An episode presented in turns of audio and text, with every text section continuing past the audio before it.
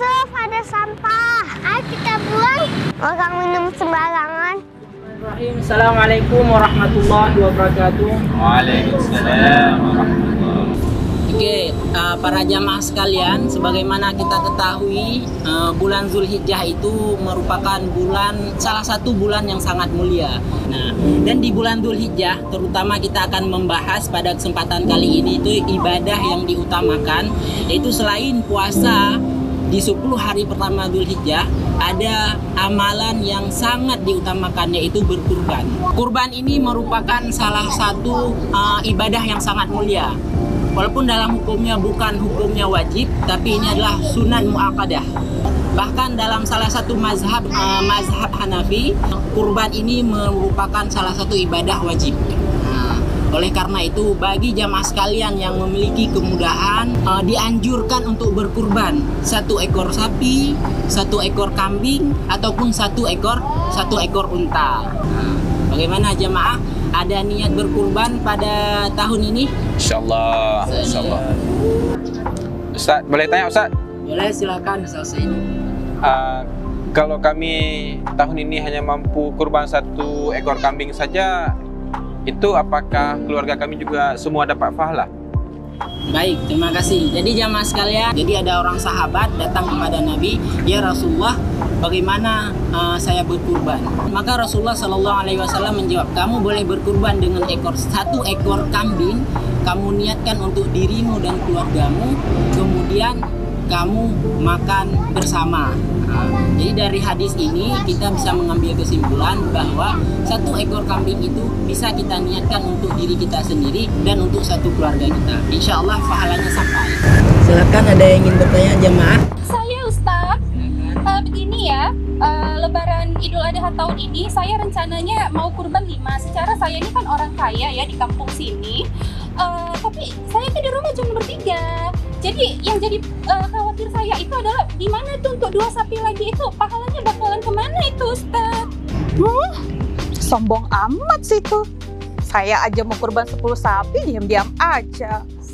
Alhamdulillah ya Ibu Mai diberi kemudahan.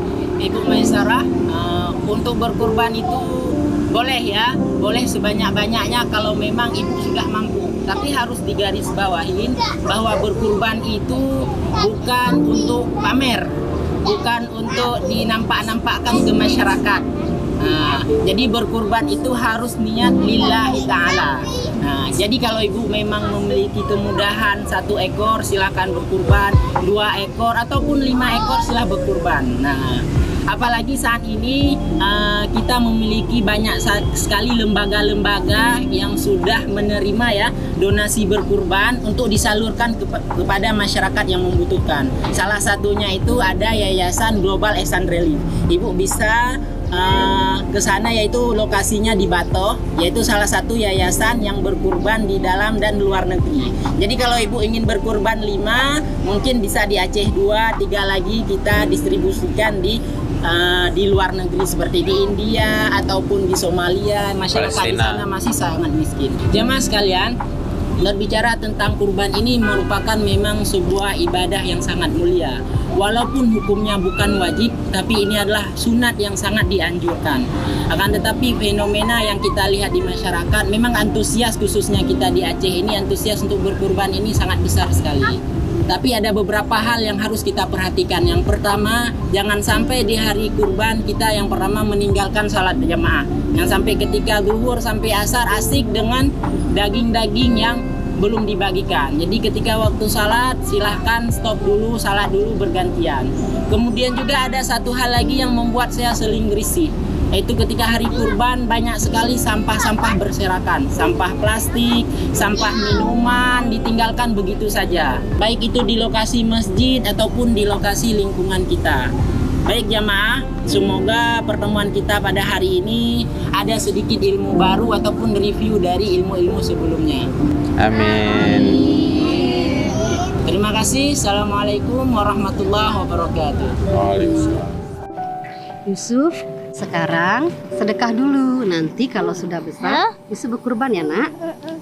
Nah, jangan lupa baca Bismillah sedekahnya. Ya nak ya. Cek, cek.